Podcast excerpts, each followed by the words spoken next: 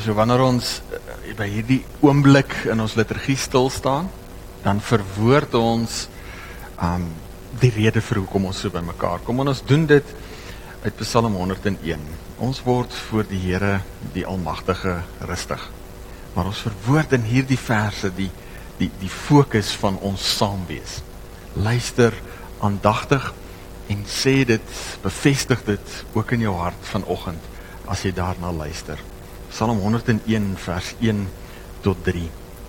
Ek wil sing van u troue liefde en u geregtigheid. Ek wil 'n lied sing tot u eer, Here. Ek wil my daaraan wy om opreg te lewe. Wanneer kom u na my toe? In my huis wil ek lewe in opregtheid. Niks wat sleg is, wil ek nastreef nie. Daarin ons hartsbelydenis as ons so bymekaar kom en hoor dan en beleef as God ons Vader ons groet en welkom heet in sy teenwoordigheid en ons saam wees met hierdie woorde genade en vrede vir jou van God ons Vader en die Here Jesus Christus. Amen. Kom ons loof die Here deur saam te sing van groote God aan U die eer en daarna kan U plekke inneem as ons luister na God se wil vir ons lewe.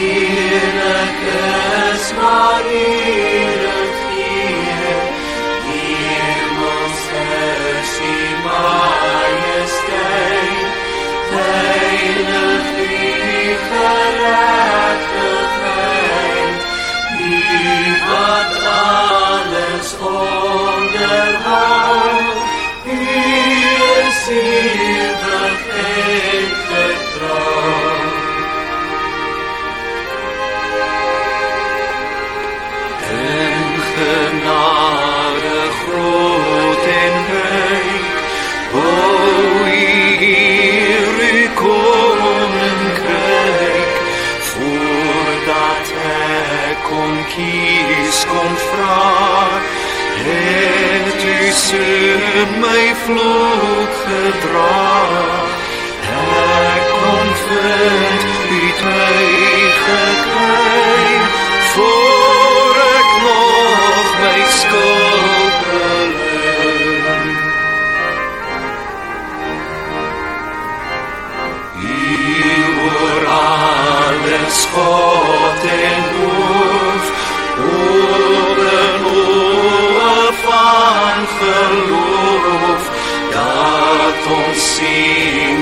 foot of God, Wort unto verworfen hat, Urkant uns betrifft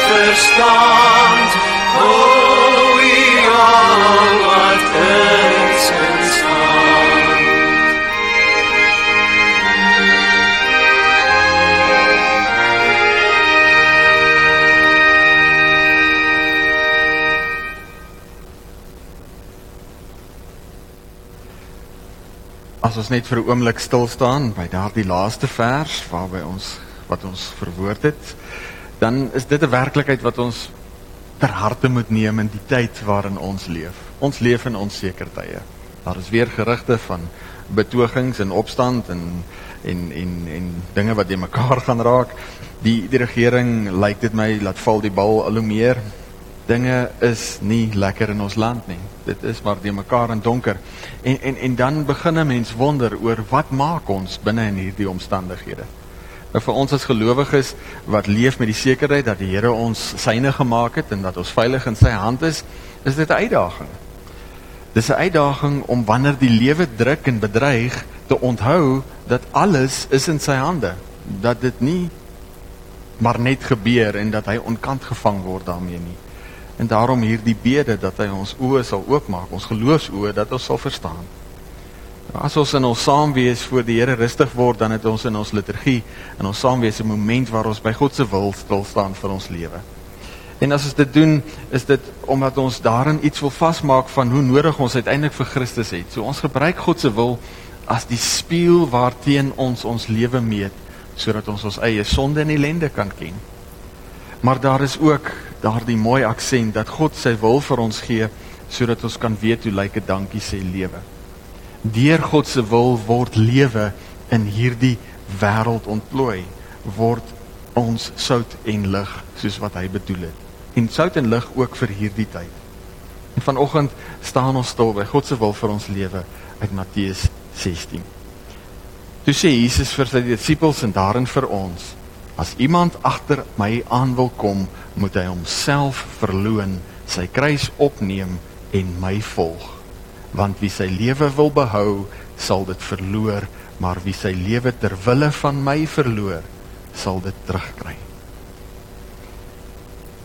Die meeste van die ellende wat ons in hierdie wêreld beleef na die sondeval kan gekoppel word aan die mens se selfsugtige vashou aan dit wat hy graag wil hê. Aan die verwerping van wie God is en dit wat hy wil hê en aan die selfsugtige vashou aan dit wat ek graag wil hê. So wanneer Jesus kom, dan wys hy ons die beter pad. Maar dis 'n regtig 'n moeilike pad. Dis 'n pad van selfverloning en daarin die beeldspraak van jou kruis opneem. Dis 'n pad van opoffering van jou lewe gee ter wille van Christus in diens van dit waarmee hy besig is. Besig is om te soek en te red wat verlore is, om te herstel, om op te hou, op te bou dit wat deur sonde vernietig is. En dit is moeilik. En dit is veral moeilik wanneer jou wêreld onderste bo gedraai word. En jy begin worstel met hoe maak 'n mens 'n verskil? Hoe hoe kom ek by 'n punt waar ek kan gee sonder om benoud te probeer vashou dit wat ek het. Nou ons leef met die genade dat ons verlossing nie uit onsself uitkom nie. Deur die gees van God maak hy ons harte nuut en deur sy woord en gees vat hy ons dan op 'n pad van daaglikse bekering. En daarom wanneer ons in ons belydenis stil staan vanoggend by dit wat ons ten van harte glo en bely by in Sondag 32, dan sê ons uit hoeveel dele bestaan die ware bekering van die mens? En ons antwoord uit twee dele die afsterwing van die ou mens en die opstanding van die nuwe mens. En dan vra ons wat is die afsterwing van die ou mens? Dit is 'n hartlike berou daaroor dat ons God deur ons sondes vertoren het en daarom ook hoe langer hoe meer die sonde haat en daarvan wegvlug. Wat is die opstanding van die nuwe nuwe mens en ons antwoord dit is 'n hartlike vreugde in God deur Christus en 'n lus en 'n liefde om volgens die wil van God in alle goeie werke te lewe. En hierdie gebeur nie eensklaps nie.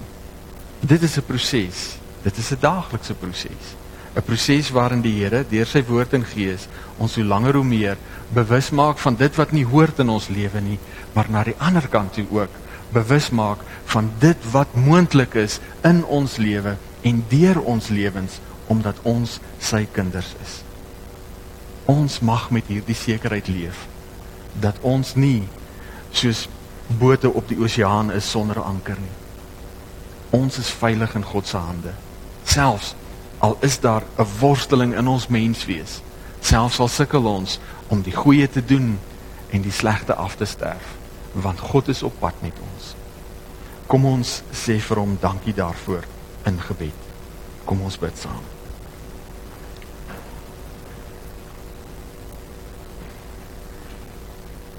Vader, as ons voor U rustig word, dan kom ons na U toe in afhanklikheid.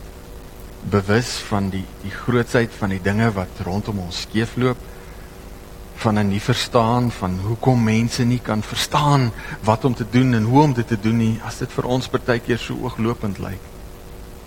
Ons kom na U toe, bewus van 'n wêreld wat in mekaar val en so voel dit baie keer. 'n Wêreld wat donker en te mekaar is waar sinnelose dinge as waarheid voorgehou word waar korrupsie en misdaad blykbaar die belangrikste ding geword het. Ons kom na u toe waar ons vasval in 'n wêreld waar daar nood is aan lig en sout en tog daarin ons hoop dat u regeer en dat u ons vir hierdie tyd nou hier geplaas het. En tog ook ons worsteling om daardie geleentheid raak te sien en uit te koop om die beste gebruik te kan maak van daardie geleentheid. En daarin ons hartsgebed, Vader. Dit wat ons gesing het in die lied hiervoor, wil U ons geestes oopmaak dat ons mag sien dat niks per toeval gebeur nie en dat die mekaar en die stikkend en die donker in ons land uiteindelik ook ten goeie sal meewerk vir elkeen van ons, elkeen van u kinders in hierdie land wat volgens u besluit geroep is. En daarin kom word ons rustig voor u. U wat ons geruk het vanuit die duisternis na die lig, u wat ons gered het en stewig in die hande vashou. En ons pleit Vader, wil u ons denke vernuwe sodat ons mag weet wat en hoe ons moet leef. Dat ons mag raak sien die geleenthede wat U vir ons gee in hierdie wêreld, in ons eie leefwêreld om 'n verskil te maak, selfs al is dit klein. Vader, ons pleit vir die genade om moedig op te kan staan, om ons kruis op te neem en so te lewe dat ander iets mag raak sien van die pad na lewe wat daar in Christus is. Nou as ons dink aan die dinge wat ons terughou, ons bekommernis en besorgdheid oor die toekoms, oor werksekerheid, oor gesondheid, oor die omstandighede in ons land, dan pleit ons Vader rig ons aandag op U. Ons pleit Vader dat U vir ons deur die Gees ook die troos sal gee wat ons nodig het om nie in ons omstandighede vas te val nie. En ons dink hier aan elkeen wat siek is wat gekonfronteer word met die werklikheid van 'n brose liggaam, die werklikheid van ons liggame wat uitmekaar val as ons ouer word, maar ook elkeen wat gekonfronteer word met die werklikheid van die dood. Mag ons in hierdie tyd die hoop wat ons in Christus het, dat nuwe lewe nou begin en tot in ewigheid duur. Mag ons dit in ons harte ervaar, mag dit in ons lewens gegrondves wees. Nie net ons tot ons eie voordeel nie, Vader, maar tot voordeel van elkeen wat hierdie wêreld met ons deel. En dan as ons hierin voor U rustig word, dan pleit ons Vader, maak dit rustig in ons harte dat ons U mag hoor. Dat ons U stem mag hoor, dat ons mag beleef dat U ons goedgesind is. Dat U lief is vir ons, dat U onthou dat ons stof is, dat U weet waarvan ons gemaak is. Mag ons u hartklop hoor, u liefde vir ons beleef en mag dit ons dring om daardie liefde te deel met die wêreld rondom ons. Maak ons sensitief vir die leiding van die Gees in ons alledaagse lewe en in besonder as ons nou na u woord luister. Mag ons daardeur versterk en bemoedig word om nigter te leef in hierdie wêreld. Ons bid dit in Jesus se naam. Amen.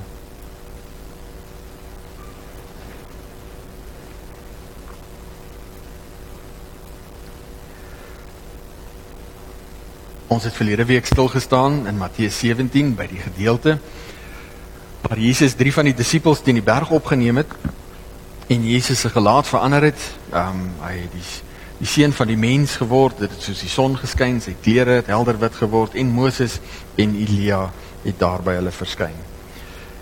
Petrus, soos ons onthou, wou hutte bou ehm um, vir Jesus en Moses en en Elia. Hy wou die wet, die profete en Jesus skei van mekaar maar die Here ons God val hom in die rede en sê vir hom dit is my geliefde seun. En hom verheug ek my luister na hom.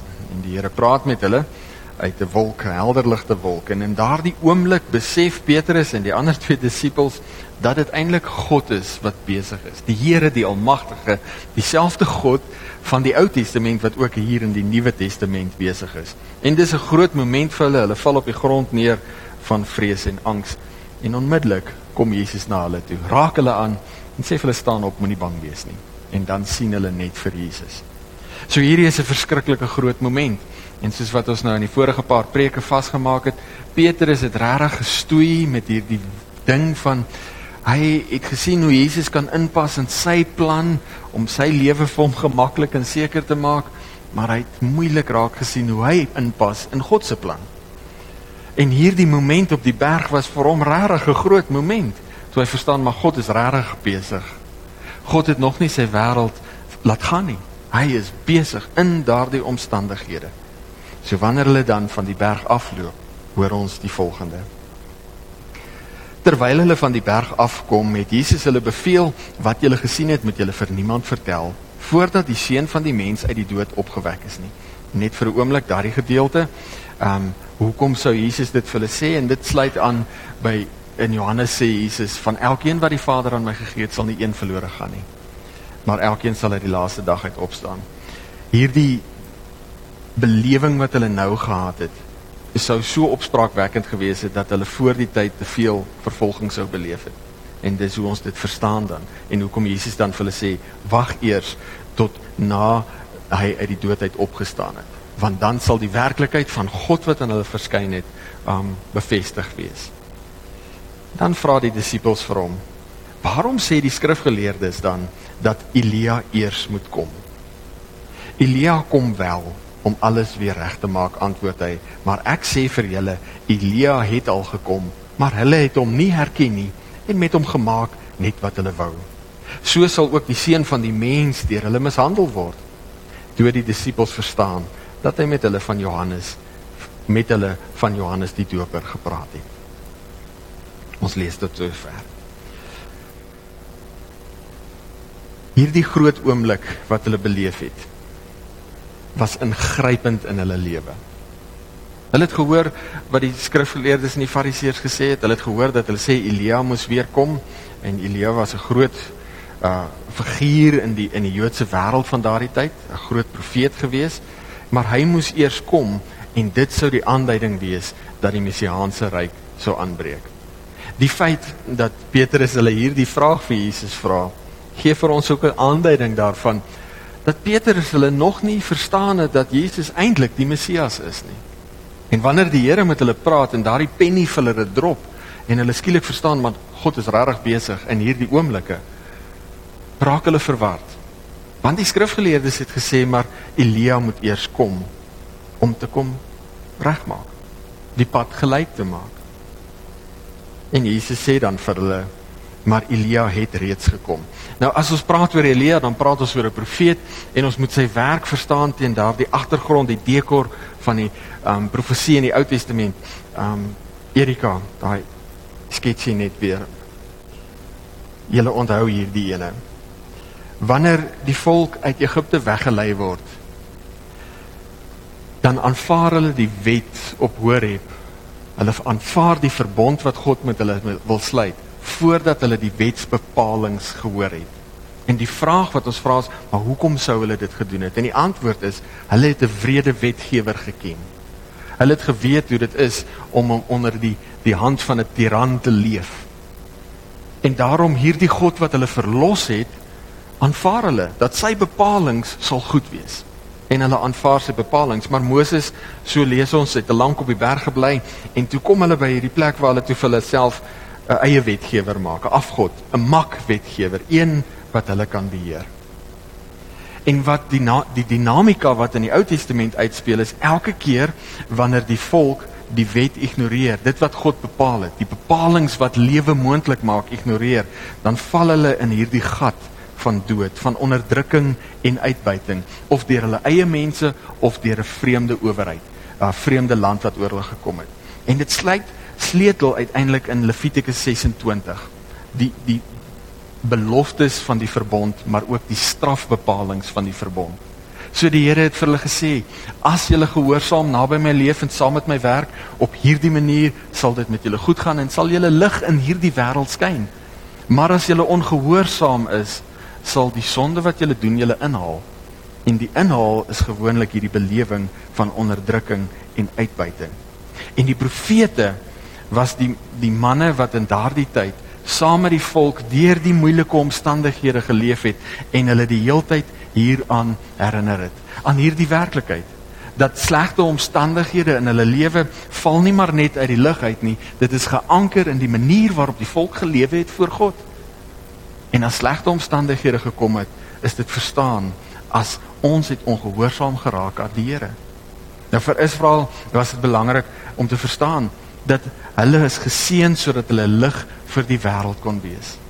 God het Kanaan skoon gevee, hulle daar gevestig sodat die ander volke kon sien wie God is en waarmee hy besig is. En dit was die profete se uitdaging om die volk gedurig deur aan hierdie innige verhouding, hierdie verbond met God te herinner. En hierin was Elia waarskynlik die grootste profeet naas Moses. Elia was 'n besonderse profeet, maar ook 'n moeilike profeet.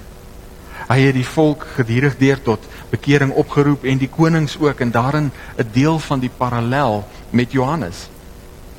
Hy is die een wat die groot droogte aangekondig het nadat Agab se vrou Isebel die Baaldiens weer in Israel ingestel het en vir 3 jaar was daar droogte totdat die koning en die volk uh, om hulp geroep het. En toe het Elia gesê nee, maar dis reg, kry al die Baalprofete op die berg Karmel bymekaar dat ons hierdie saak kan uitmaak wie is God? Die God wat hulle sê hulle dien of die God van Abraham, Isak en Jakob. En dan ken ons daardie geskiedenis dat hulle die die klipaltare gebou het en en hulle het offers gebring en Elia het vir hulle gesê vir die Baalprofete, ehm um, julle moet bid tot julle God dat hy hierdie vuur vir julle hierdie offer vir julle aansteek uit die hemel uit wat hulle toe natuurlik nie kon regkry nie. En daarna het Elia die die altaar wat hy gebou het, uh, pap nat laat gooi en toe gebid en die Here het die het die die offer en die altaar verbrand met vuur uit die hemel uit. Daarna het dinge natuurlik vir die Baalprofete skeef geloop. Ja, onder aanvoer van Elia het hulle hulle almal doodgemaak wat natuurlik gemaak het dat Isebel baie kwaad was vir vir Elia en hy het gevlug. Hy is uiteindelik by die berg van die Here gekom en op die berg het die Here aan hom verskyn. Hy het met die Here gepraat. En ehm um, die Here het hom in 'n klipskeer toegehou en agter hom verbygebeweeg. Hy het iets beleef van God se teenwoordigheid. En dan net voor hy dood is, het Elia ook die Jordaan gekloof. As hy en Elisa uh, deur moet trek, dan rol hy sy mantel op en hy slaan daarmee op die water in die Jordaan kloof en hulle stap op die droë grond deur. Wanneer hy sterf, kom haal die Here hom. Ons lees van 'n 'n perdewa met perde van vuur wat hom opgeneem het in die hemel in. En daarom die die die Jode se versigtiging dat Elia eers moet terugkom want hy is opgeneem na die Here en hy moet terugkom. Hy kom om die pad reg te maak want hy was die ou wat opgestaan het vir die Here en vir die Here se saak en onverskrokke so opgestaan het vir die Here en sy saak. En daarom dat Jesus sê Johannes die Doper is die Elia wat moes kom. Hy roep die volk tot inkeer en bekering. Hy konfronteer die koning oor sy sonde met sy broer se vrou en daarvoor sterf hy ook. Johannes is daarom die een wat Jesaja gesê het wat sal kom om die pad vir die Here gelyk te maak. Dit is baie belangrik vir ons om net vir 'n oomblik stil te staan by Jesus se uitspraak oor wat die skrifgeleerdes en die fariseërs fariseërs met Johannes die doper gedoen het. Jesus sê hulle het hom nie herken nie en met hom met hom gemaak net wat hulle wou. En dit klink 'n bietjie vreemd, want tegnies het hulle niks aan hom gedoen nie. Toe hy begin het met sy bediening en die skare saamgedrom het, toe het die skrifgeleerdes en die fariseërs afgegaan na die Jordaan toe om onderstoek in te stel na Johannes en hy het hulle uitgetrap en gesê julle slange wie het julle wys gemaak dat julle die komende oordeel kon ontvlug kan ontvlug so hy was baie kras en baie lelik met hulle of baie reguit met hulle Maar tog e, lees ons hulle het hom niks aangedoen nie omdat hulle bang was vir die mense wat oortuig was dat Johannes 'n profeet is. So wat bedoel Jesus as hy sê hulle het met hom gemaak net wat hulle wou? En die werklikheid is is dat hulle vir Johannes uiteindelik geïgnoreer het. Hy het gepreek daar in die woestyn by die Jordaan en hulle het hom net geïgnoreer. Hulle het niks aan hom gedoen nie. En wanneer jy Herodes vir Johannes in die tronk gooi omdat hy hom aangespreek het, en doen hulle niks. Hulle bly stil. Hulle tree nie vir hom in nie. En Johannes doen eintlik hulle werk. Hulle was die skrifgeleerdes en die fariseërs. Hulle moes vir Herodes aangespreek het, maar hulle het nie. En wanneer Johannes dit doen, bly hulle stil. En wanneer hy sterf, is dit vir hulle wins. Hulle het hom uiteindelik nie erken as die profeet wat moes kom nie en hom geïgnoreer. Jesus sê dieselfde gaan met die seun van die mens gebeur. Hulle gaan hom ook mishandel en later sou hulle dieselfde doen met Jesus. Hulle het hom nie erken as die Messias nie. En hulle het hom mishandel. Uiteindelik, as ons kyk na die groter prentjie van dit wat gebeur het, het hulle hom ignoreer. Hulle het nie die moment waarvoor hulle gewag het wat hulle gesien het kom uit die Ou Testament uit nie, het hulle nie herken nie. Hulle het dit nie raak gesien nie en Jesus nie erken en raak gesien as die een wat moes kom nie. Hulle het 'n geleentheid en die oproep tot bekering gemis. Dit het by hulle verbygegaan. En deel van die rede hoekom hulle dit gemis het was dat hulle was volgens hulle die regverdiges. Hulle was die kerk van hulle tyd en hulle het nie bekering nodig gehad nie. Bekering is hier die belangrike saak. As ons dink aan daardie dekor van die Ou Testament van se profesie, dan is die oproep elke keer bekering gewees. God het uit genade ons geroep tot 'n innige verhouding met hom waarin ons naby hom kan leef en saam met hom kan werk en elke keer as ons die pad byster raak, roep hy in genade ons tot bekering. En daarom moet ons vir 'n oomblik weer vasmaak, wat is bekering en hoe werk dit? Erika, daai volgende sketsie asseblief.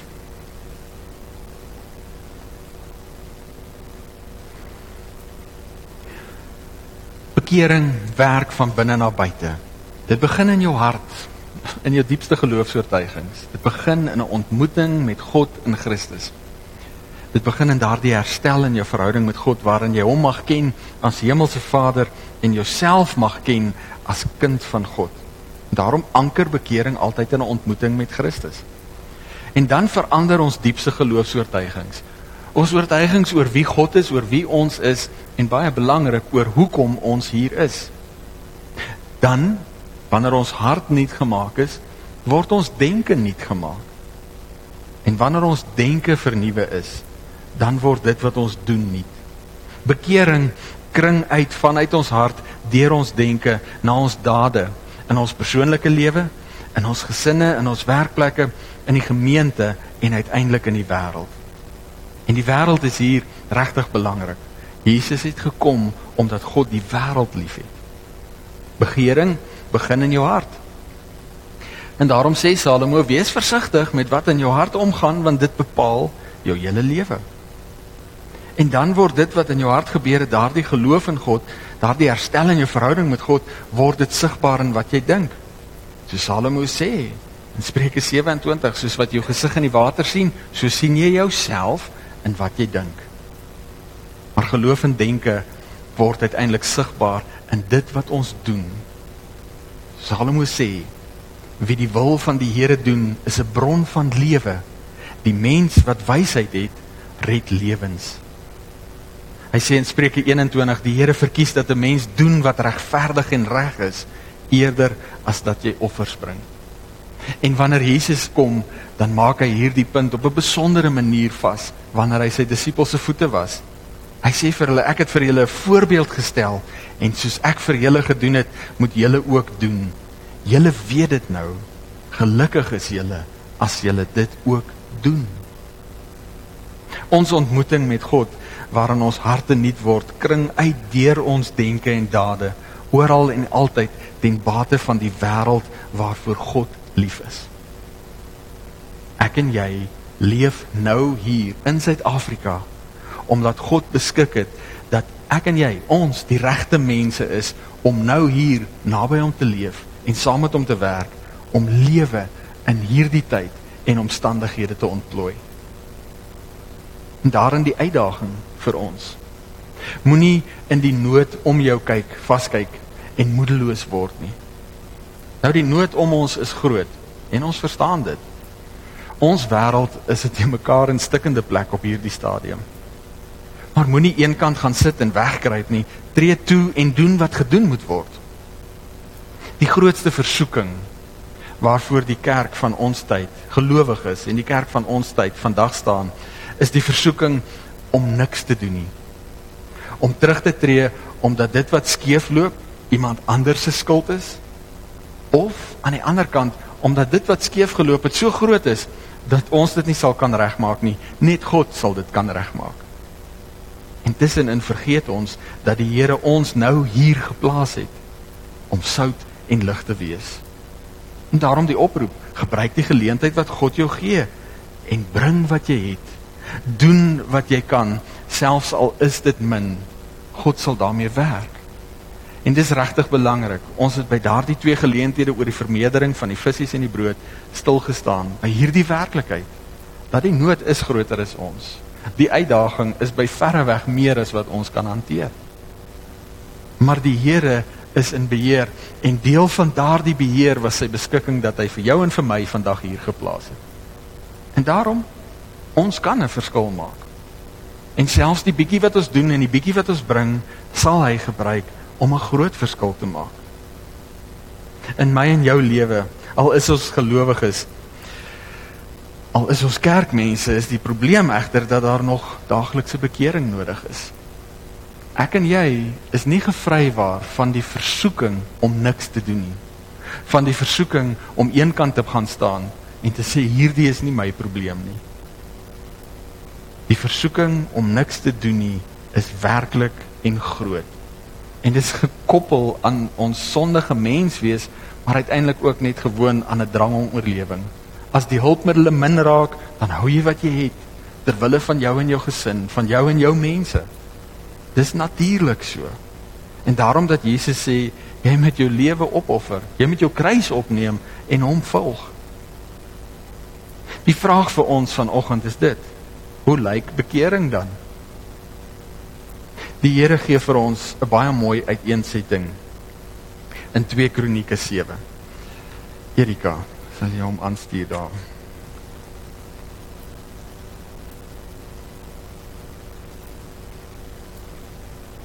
In 2 Kronieke 7 vers 13. Moses Salomo is besig om uit die tempel gebou en dit is die inwyding van die tempel en hy vra dat die Here asseblief elkeen wat van hierdie plek af bid, van die tempel af bid, sy gebed sal antwoord. En dan hoor ons dat die Here hom antwoord. En hy sê as ek die hemel gesluit hou sodat daar geen reën is nie, of as ek die sprinkaan beveel om die land kaal te vreet, of as ek pes onder my volk stuur en my volk oor wie my naam uitgeroep is, toon berou en bid en vra na my wil en draai weg van hulle bose weë af, sal ek luister uit die hemel en hulle sonde vergewe en hulle land laat herstel. Daarin 'n baie bondige opsomming van wat bekering behels. Kortom, as dinge sleg gaan in die land, is dit tyd vir die kinders van God om hulle te bekeer. Bekering in die wêreld begin altyd by ons, by die kinders van God. Israel was in hulle tyd die lig vir die wêreld. En as dinge donker geraak het, moes hulle tot bekering kom sodat die lig weer helder kan skyn in die in die wêreld waarin hulle woon.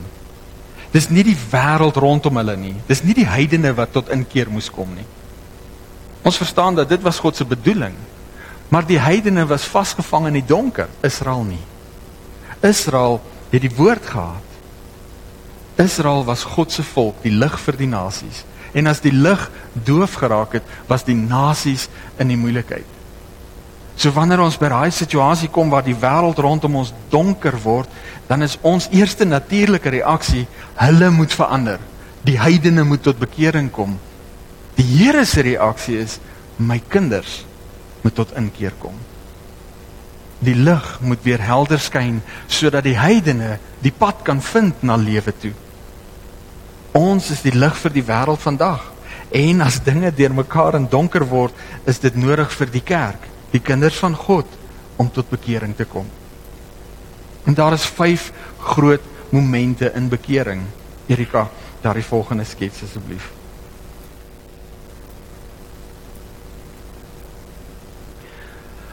vyf momente wat jy in gedagte moet hou as ons praat oor bekering. Bekering anker altyd in my verhouding met die Here. Dis belangrik om dit te verstaan. So wanneer ons sê bekering is nodig, dan trek ons nie 'n streep deur jou kunskap nie.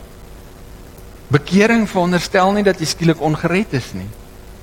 Bekering is 'n normale deel van die alledaagse lewe van 'n gelowige, want ons is in hierdie pad, op pad saam met Christus besig in hierdie daaglikse proses van daaglikse bekering waar die Here deur sy woord en gees ons beeld, sy beeld in ons herstel sodat ons hoe langer hoe meer nader aan hom kan leef en beter saam met hom kan werk. Bekering is 'n normale deel van die gelowige se alledaagse lewe in sy of haar verhouding met die Here. As daar geen bekering in jou lewe nodig is nie, is daar net drie verklaringe daarvoor. Of jy's volmaak, of jy's ongehoorsaam, of jy's dood. Solank ons in hierdie lewe is, gaan daaglikse bekering deel van ons lewe wees. So geanker in ons verhouding met God, word ons geroep om ons kruis op te neem en Jesus te volg op ons pad van daaglikse bekering. So hoe lyk dit? Waar verstaan jou ware identiteit? En dis die eerste groot moment wat jy moet vasmaak. Die Here sê as sy volk, sy kinders oor wie sy naam uitgeroep is, as dinge skeefloop, moet sy mense iets doen. Dit begin, dit anker in jou ware identiteit. Weet wie jy is. As jy verstaan dat jy kind van God is, dat jy geskape is na sy beeld en as jy herstel is in jou verhouding met hom, dan weet jy nie net wie jy is nie, jy weet ook hoekom jy hier is. En daarom kan ons nooit oor bekering praat as ons nie eers praat oor wie ons is nie. En vir Israel het dit beteken dat wanneer hulle nie die lig vir die wêreld was nie, het die wêreld tekort geskiet. En God se plan om sy wêreld te bereik is daarmee gekneelter en daarom die oproep kom tot bekering. Maar die Here staan nie reg om te slaan nie. Hy herinner hulle aan wie hulle is, soos hy ons vandag herinner aan wie ons is in Christus. En dan die volgende moment toon berou erken en bely jou sonde en erken en bely ons sonde hierdie is die grootste ding waarmee ons baie keer stoei. Die skrifgeleerdes en die fariseërs kon dit nie raak sien nie. Hulle het nie sonde gehad nie. Volgens hulle was hulle regverdig en reeds uh, reg vir die koninkryk. Maar as ons ten diepste ons verhouding met God beleef en verstaan wie God is, waarmee hy besig is, wat vir hom belangrik is en in daardie selfde asem begin begryp hoe lief hy vir die wêreld is, hoe lief hy vir ons is, hoe belangrik ons is, maar wie ons ook is in daardie verhouding met hom, sy verteenwoordigers wat hy op hierdie aarde geplaas het. Dan het ons 'n maatstaf waarin ons ons lewe en optrede in hierdie wêreld kan meet. En die Here sê as dinge donker en de mekaar raak, is dit omdat die lig nie meer geskyn het nie en daarom erken en bely jou sondes. Nehemia is 'n goeie voorbeeld hiervan. Wanneer hy hoor dat Jerusalem se mure nog plat is, dan gaan hy eenkant en hy doen belydenis van al die Israeliete se sondes, van sy eie en van sy gesin se sonde. En die vraag is, hoekom sou dit so werk? Hoekom almal sin? En ons moet verstaan Nehemia is die laaste geslag net voor hulle terugkeer uit ballingskap. Hy was nie daar toe Israel ongehoorsaam was en in ballingskap weggevoer is nie. En die rede daarvoor is wanneer ons op hierdie donker plek kom, het dit nie uit die lig uitgeval nie. Ons het nie een oggend wakker geword en skielik is ons wêreld soos hy nou lyk nie. Dit het 'n pad gevat. Mense het dinge gedoen of nie gedoen wat ons oor tyd saam gebring het waar ons nou is. Die kerk, die volk van God het oor tyd saam ongehoorsaam aan die Here geleef. Die lig het minder geraak, die sout het opgeraak en dit het gemaak dat die verderf van die donker en die stikkend en die seer toegeneem het. En daarom is hierdie moment so belangrik. Toon berou. Begryp wat besig is om te gebeur en verstaan jou aandeel daarin. Die volgende moment is bid. Tree in gesprek met God. Herstel in ons verhouding met God. As ons sien dinge in ons wêreld en ons land loop skeef, Verstaan jou identiteit. Toon berou en bid. Here, wat nou? Want elkeen van ons hier gaan 'n antwoord hê vir wat het skeef geloop in ons land en hoe dit nou lyk. Ons beleef dit immers. Maar wat moet ons doen om dit reg te maak? En dis nie so 'n eenvoudige antwoord nie. En daarom bid. Tree in gesprek met jou Vader en praat met hom daaroor. Vra vir hom. Hoor by hom kry leef naby hom, praat met hom sodat jy bemoedig kan word vir die vir die werk wat voorlê, vir die stryd wat voorlê, sodat jy iets mag beleef van sy liefde vir jou en daarom met vrymoedigheid Dit kan afsterf wat afgesterf moet word, maar ook kan doen wat gedoen moet word. En dan vierde moment, soek na die wil van God. Ou vertaling soek na die aangesig van God. Die Hebreëse woord in die werkwoordvorm wat daar gebruik word, sê eh, beteken om te soek, maar dit kan ook beteken um, om met groot inspanning na te jaag. Maar dit kan ook beteken om saam te sweer vir politieke opstand. Dis in daardie konteks is die woord ook gebruik. So dis 'n baie mooi woord. En dit veronderstel hierdie gedagte van om doelbewus na te jaag. Wat is dit wat die Here van my vra? Ek gaan saam sweer en doelbewus najag. Ek gaan doen dit wat hy wil hê. En dis 'n baie belangrike moment want dis dis in daardie soek en doen van God se wil wat die lig skyn. Maar dis nie net dit nie. Die vyfde moment is draai terug van jou bose weë. Hou op met verkeerd doen of niks doen nie. Hou op om terug te staan en te probeer wegkruip vir die onheil wat rondom ons is. Hierdie momente in bekering raak jou verhouding met God in jou hart omdat dit begin by jou identiteit en dit kring uiteindelik uit tot by deur jou denke na jou alledaagse lewe. En daarom dat Paulus in Romeine 12 vir ons sê, moenie aan hierdie wêreld gelykvormig word nie. Laat God jou denke vernuwe sodat jy kan weet wat vir hom goed en aanneemlik is. Bekering is altyd weg van 'n sinnelose ongehoorsame lewe na God toe. Dis altyd weg van 'n selfsugtige bestaan eenkant op my eie na terug na God toe waarin ons ons roeping om naby hom te leef en saam met hom te werk opneem. Bekering word daarom gerig deur ons roeping. En roeping so onthou ons het altyd hierdie twee aksente. Jy is kosbaar vir God en daarom roep hy jou nader. Jy is sy kind. Maar omdat jy sy kind is, vertrou hy kosbare dele van sy koninkryk aan jou toe. Hierdie wêreld wat kosbaar is vir die Here word aan ons toevertrou. So as jy wil weet hoe jou roeping grondvat in hierdie wêreld, as jy wil weet wat dit is, Erika, die volgende sketsie asseblief. Gaan kyk jy na vier momente waar vier velde in jou lewe oorvleuel, né?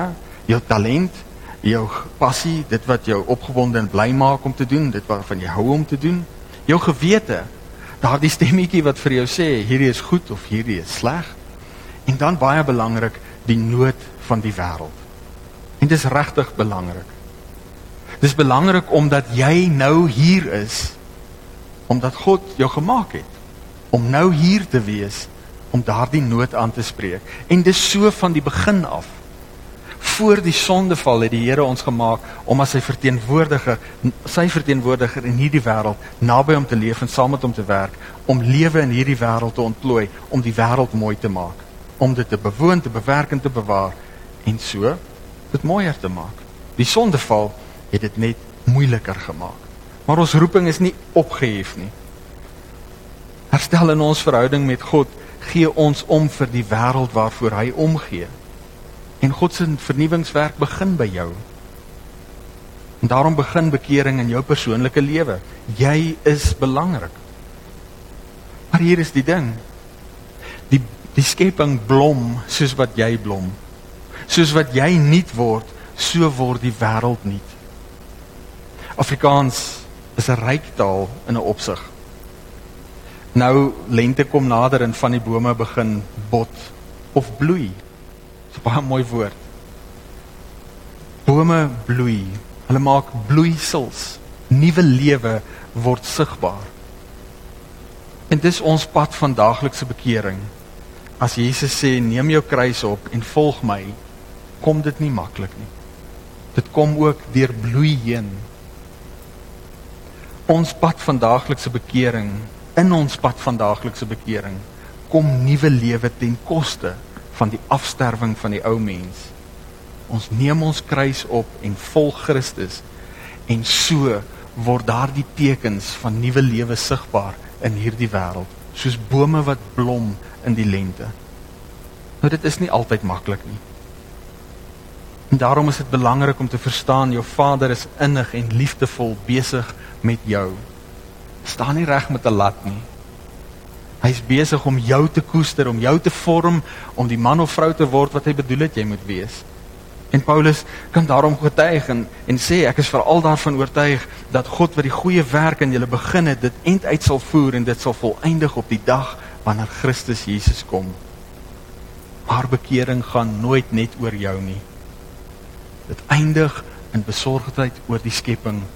Dit eindig in besorgdheid oor die wêreld. So Jesus sê vir Nikodemus, God het die wêreld so liefgehad dat hy sy enigste seun gegee het sodat die wat in hom glo nie verlore sal gaan nie, maar die ewige lewe sal hê. En wanneer hy aan die einde van Johannes voor hy opvaar met sy disippels praat, dan sê hy vir ons, soos die Vader my gestuur het, stuur ek julle ook na 'n donker stuk in 'n wêreld toe.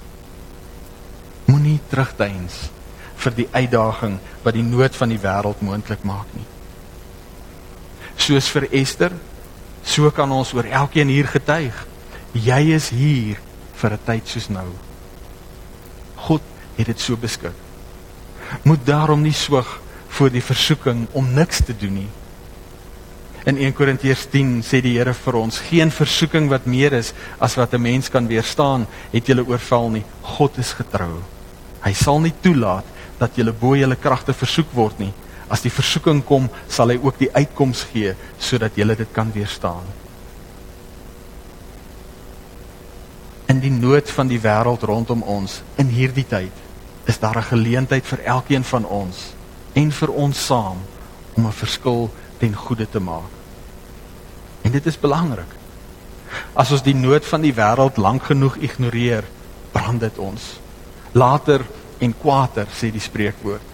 Hoe langer ons dit ignoreer, hoe groter die brand wat ons moet blus. Salomo sê in Spreuke 27: 'n Verstandige mens sien onheil kom en sorg dat dit hom nie tref nie. Onervare of dwaase mense loop oë oop oë daarin en boet daarvoor. En ons moet dit ter harte neem.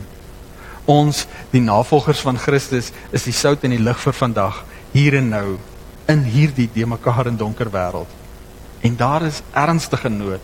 Daar is 'n ernstige behoefte aan sout en lig die wêreld, die heidene kan hulle nie bekeer sonder die lig nie, sonder die mense onder wie God reg en geregtigheid gevestig het nie.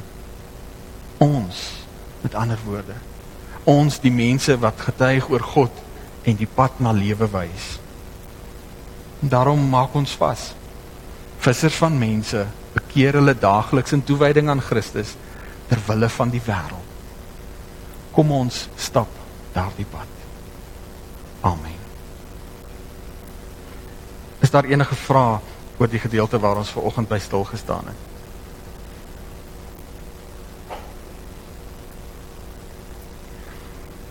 Kom ons verootmoedig ons bidend voor die Here deur saam te sing van doen slegs u wil Heer en daarna staan ons om die seën van die Here te ontvang.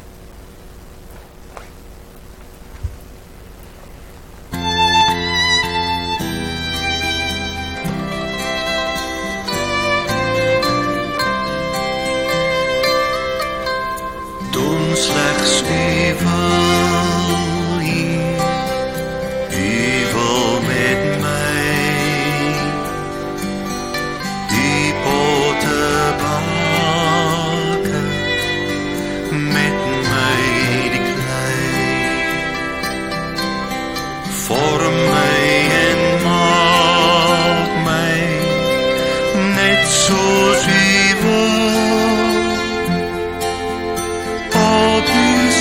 aan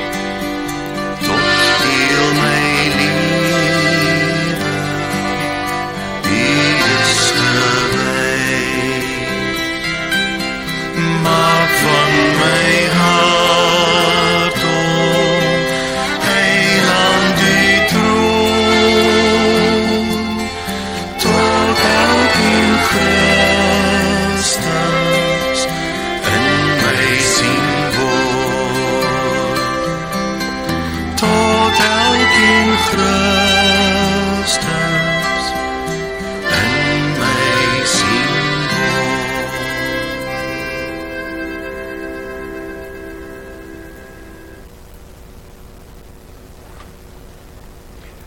Kom ons staan vir die seën van die Here.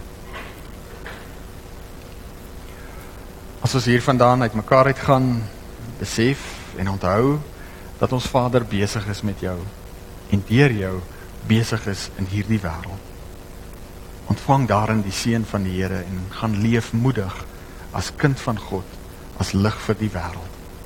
Die genade van ons Here Jesus Christus en die liefde van God, ons hemelse Vader en die troos en toerusting en leiding van die Heilige Gees is met u elkeen.